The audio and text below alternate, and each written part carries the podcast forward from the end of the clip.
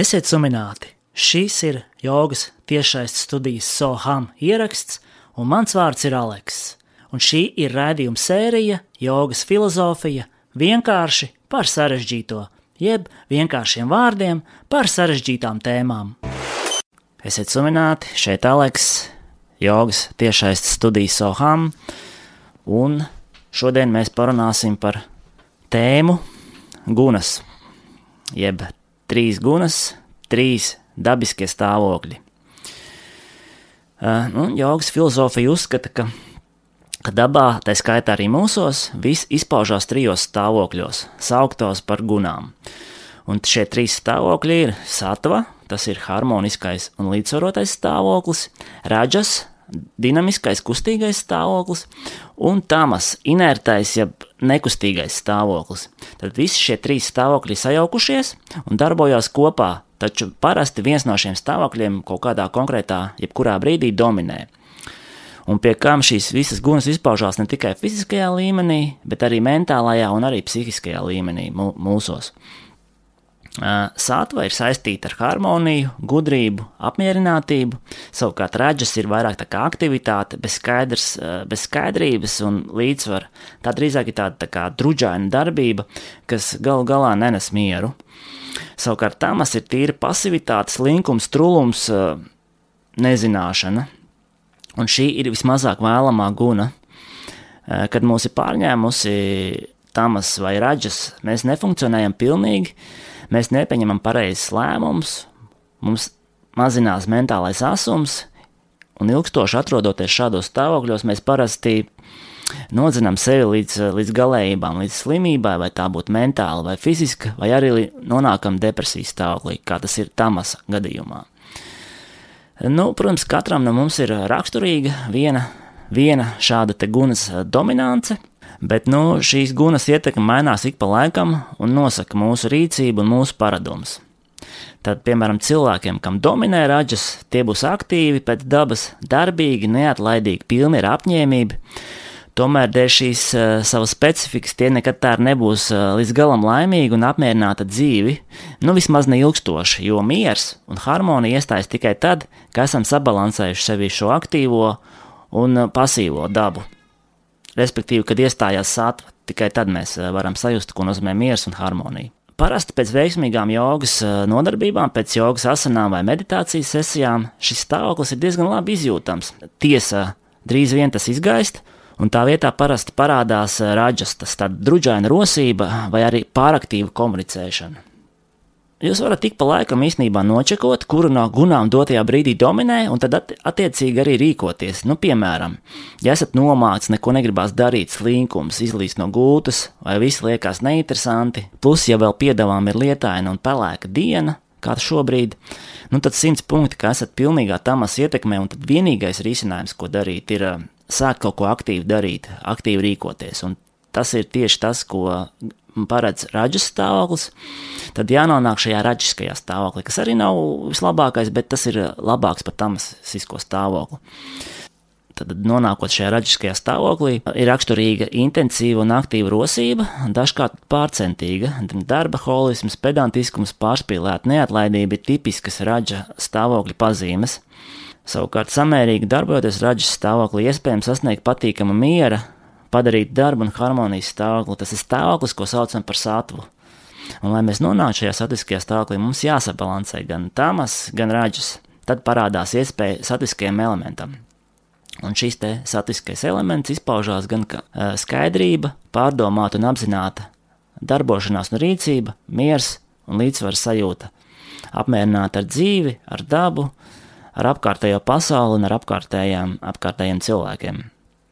Eh, ja ilgstoši dominē viena guna, piemēram, raģis jau pieminētais, tad mēs kļūst, kļūstam hiperaktīvi, darba holiķi, ilgstoši nemierīgi, un tas noved pie dažādām veselības problēmām. Eh, var arī novest īstenībā pie izdegšanas. Parasti tie cilvēki, kas izdeg, eh, nu, tie parasti izdeg dēļ darba holismu ļoti bieži, un tas ir dēļ šī te raģis gunas pārmērīgās dominances.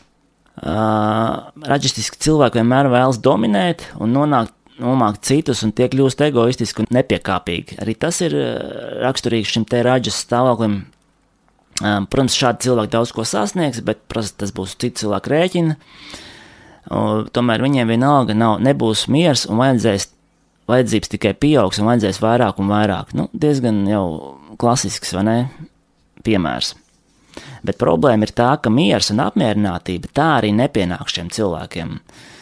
Un drīzāk iestāsies vilšanās un, un var izstāties ar izdegšanu. Tā kā te ir jābūt ļoti prātīgiem. Savukārt, ja ilgstoši dominēs tamas, tad mēs kļūsim pasīvi, slinki, flegmātiski, novākti.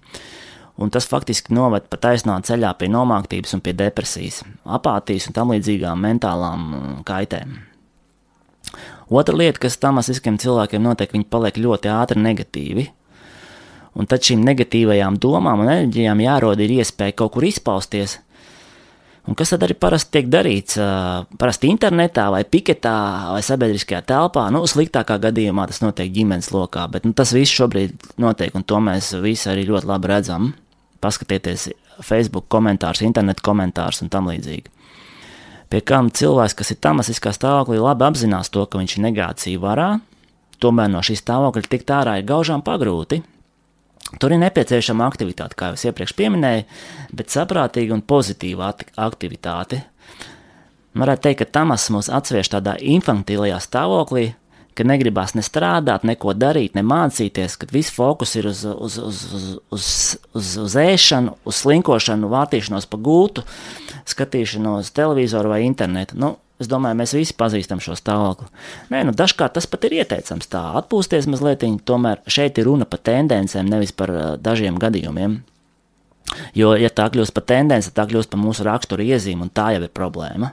Uh, bet, nu, protams, jāmāk, jāmāk arī paslinkot, kā jau teicu, mm, pas, dažreiz pasaudzēt sevi. Jā, kāpēc gan nepaņemt gultas režīmu sestdienas svētdienu, bet, ja tas kļūst, ja šis režīms pāriet arī uz pārējām darba dienām, nu, tad vienā brīdī tas kļūst gaužām nelāgi. Un, protams, arī mūsu iekšējā balss jau teiks, ka kaut kas īsti, īsti labi nav. Nu, tas ir klasisks tamas, tamas gunas dominants. Savukārt, ja dominē sātva, un tas gan īstenībā ir reti, mēs esam apskaidroti, harmoniski, mierpilni un apmierināti dzīvi. Mūsu intelektuālās spējas un izpratne par dzīvi, emocionālās līdzsvars stipri pieaug. Mēs esam labestīgi, radoši, vēlamies palīdzēt un izprast citus cilvēkus. Un patiesībā jau faktiski visas jogas prakses ir virzītas tā, lai mēs no šiem trim stāvokļiem uh, sasniegtu šo te satvisko stāvokli, kas ir pats, pats svarīgākais un, un no visiem stāvokļiem. Te gan var piezīmēt, ka cilvēki, kas iet tīru jogas ceļu, arī šis trešais stāvoklis, satviskais stāvoklis, arī šis ir jātranscendē, jāpārvar. Un tad iestājās ceturtais stāvoklis, kas ir tur, ja, tas ir pilnīgs brīvības stāvoklis no, no, no jebkādiem ārpasaules ietekmēm. Eh, tagad mazliet pastāstīšu par jogas praksēm šo te gunu ietekmēšanā. Tad joga piedāvā dažādas tehnikas eh, un prakses šo te dabisko stāvokļu ietekmēšanā. Eh, nu, šo stāvokļus var arī saukt par garstāvokļiem īstenībā, gan lai novērstu šo stāvokļu dominanci, gan kaut kā ietekmētu šo stāvokļu virzību uz satu. Nu, piemēram, raģistiskiem cilvēkiem ieteicams ir, ļoti ieteicams ir asanas, uh, balansējošās asanas un arī statiskās asanas, lai viņi mazliet pabūst mierā. Eh, kā arī šeit labi nodara pranajāmas tehnikas, tādas kā Nadīša Šothana pranajāma, kas sabalansē labo un kreiso ķermeņa pusi, jeb labo un kreiso smadzeņu puslodi, kā arī nodara nomierinošās pranajāmas tādas kā Uģai vai Bramārī. Nu, visas šīs pranajāmas jūs eh, varat labi uh, zināt un apgūt, ja jūs sekojat Soham Facebook lapai, kur mēs regulāri rīkojam tiešaistas pranajāmas nodarbības, kur arī var šīs te prakses gan iemācīties, gan arī pats pēc tam praktizēt un iegūt šos te labumus, ko šīs te prakses dod. Meditācijas tehnika nebūs risinājums raģistiskiem cilvēkiem, jo viņi vienkārši nevar ilgstoši nosēdēt ne fiziski, ķermenis visu laiku dīdīsies, ne arī mentāli, jo arī domas visu laiku šaudīsies. Uh, Protams, ja tomēr šāda tipa cilvēkiem ir interese par meditāciju, tad mans personīgais ieteikums no savas paša pieredzes, jo esmu arī izteikti raģistisks cilvēks. Tad šeit ir ejams krijas jogas ceļš. Nu, tas ir mazliet sarežģīts ceļš, bet šajā ceļā mēs apējam šo te mentālo, drudžaino mentālo stāvokli. Tomēr nu, šeit ir nepieciešama zināma iepriekšēja jogas pieredze, lai varētu iet krija jogas ceļu. Savukārt tamasiskiem cilvēkiem tiek ieteikts tieši dinamiskās asanas, tāda kā surja namaskara, es domāju, daudz to zina, tas ir sveiciens saulē, tas ir asana kopums, kā arī dažādas citas dinamiskās asanas, kas eh, vienkārši šos cilvēkus izkustinās. Eh, runājot par pranajāmām, šeit derētu vitalizējošās pranajāmas, mm, tādas kā kapalabhati, surja vai arī baštrika pranajāma. Arī šīs pranajāmas mēs esam apguvuši mūsu Facebook lapas, Soham Facebook lapas tiešaistes nodarbībās. Savukārt meditācija vai joga nidra šāda tipa tamasiskiem cilvēkiem ne, nederēs, jo ir liela varbūtība, ka praktikants šo te prakšu laikā vienkārši aizmigs un tur nebūs nekāds labums. Savukārt satisiskiem cilvēkiem der, un viņi jau var faktiski visticamāk arī praktizē tieši meditāciju, regulāru meditāciju, jo faktiski tikai satviskā stāvoklī ir iespējams piedzīvot to, ko nozīmē meditēt. Tad, tad nonākt dziļa miera un klusuma stāvoklī. Ja? Ne raģistisks, ne tamasisks cilvēks faktiski šo stāvokli nepiedzīvo, tāpēc arī viņi faktiski nepiedzīvo meditācijas šo te galveno ideju. Uh, tieši satiskiem cilvēkiem ir domāta meditācija, un viņi arī ļoti veiksmīgi šajā meditācijā nonāk diezgan ātri un arī ilgstoši var uzturēties. Kā jau teicu, ne raģistiski, ne tamasiski cilvēki nespēja nonākt ilgstoši miera stāvoklī. Pirmie nevar novaldīt prātu un uzmanību, savukārt otrie tamasiskie nespēja noturēt fokusu, ķermeni, miegs un slinkums parasti viņus pārņem, un šis izrādās nopietnas šķērslis starp viņiem un meditāciju.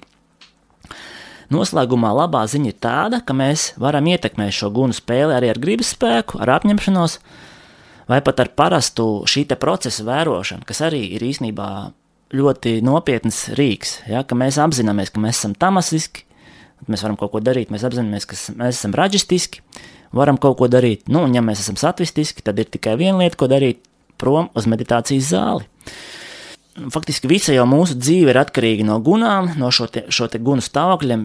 Jebkurā jogas literatūrā, filozofijā, jebkurā jogas skolā jums to noteikti uzsvērs, ka gunas ir, ir tāda tā kā kosmiskā rotaļa. Mēs viņu faktiski nevaram apiet, nevaram ignorēt, mēs varam vienkārši to saprast un mēģināt kaut kā menedžēt. Ja? Tad sanāks gunu menedžments. Un tas arī noteiks, šis te guna menedžments noteiks mūsu dzīves kvalitāti, uzvedību, attiecības ar apkārtējiem, panākums, kā arī mūsu veselības stāvokli. Nu, īsumā tā par gunām. Paldies par uzmanību, paldies, ka noklausījāties. Mans vārds ir Aleks, šis bija Soham, un uz tikšanos kādā no citām pārādēm. Dzīvojiet veseli, dzīvojiet ar skaidru prātu, praktizējiet jogu un praktizējiet dzīvi. Visu gaišu!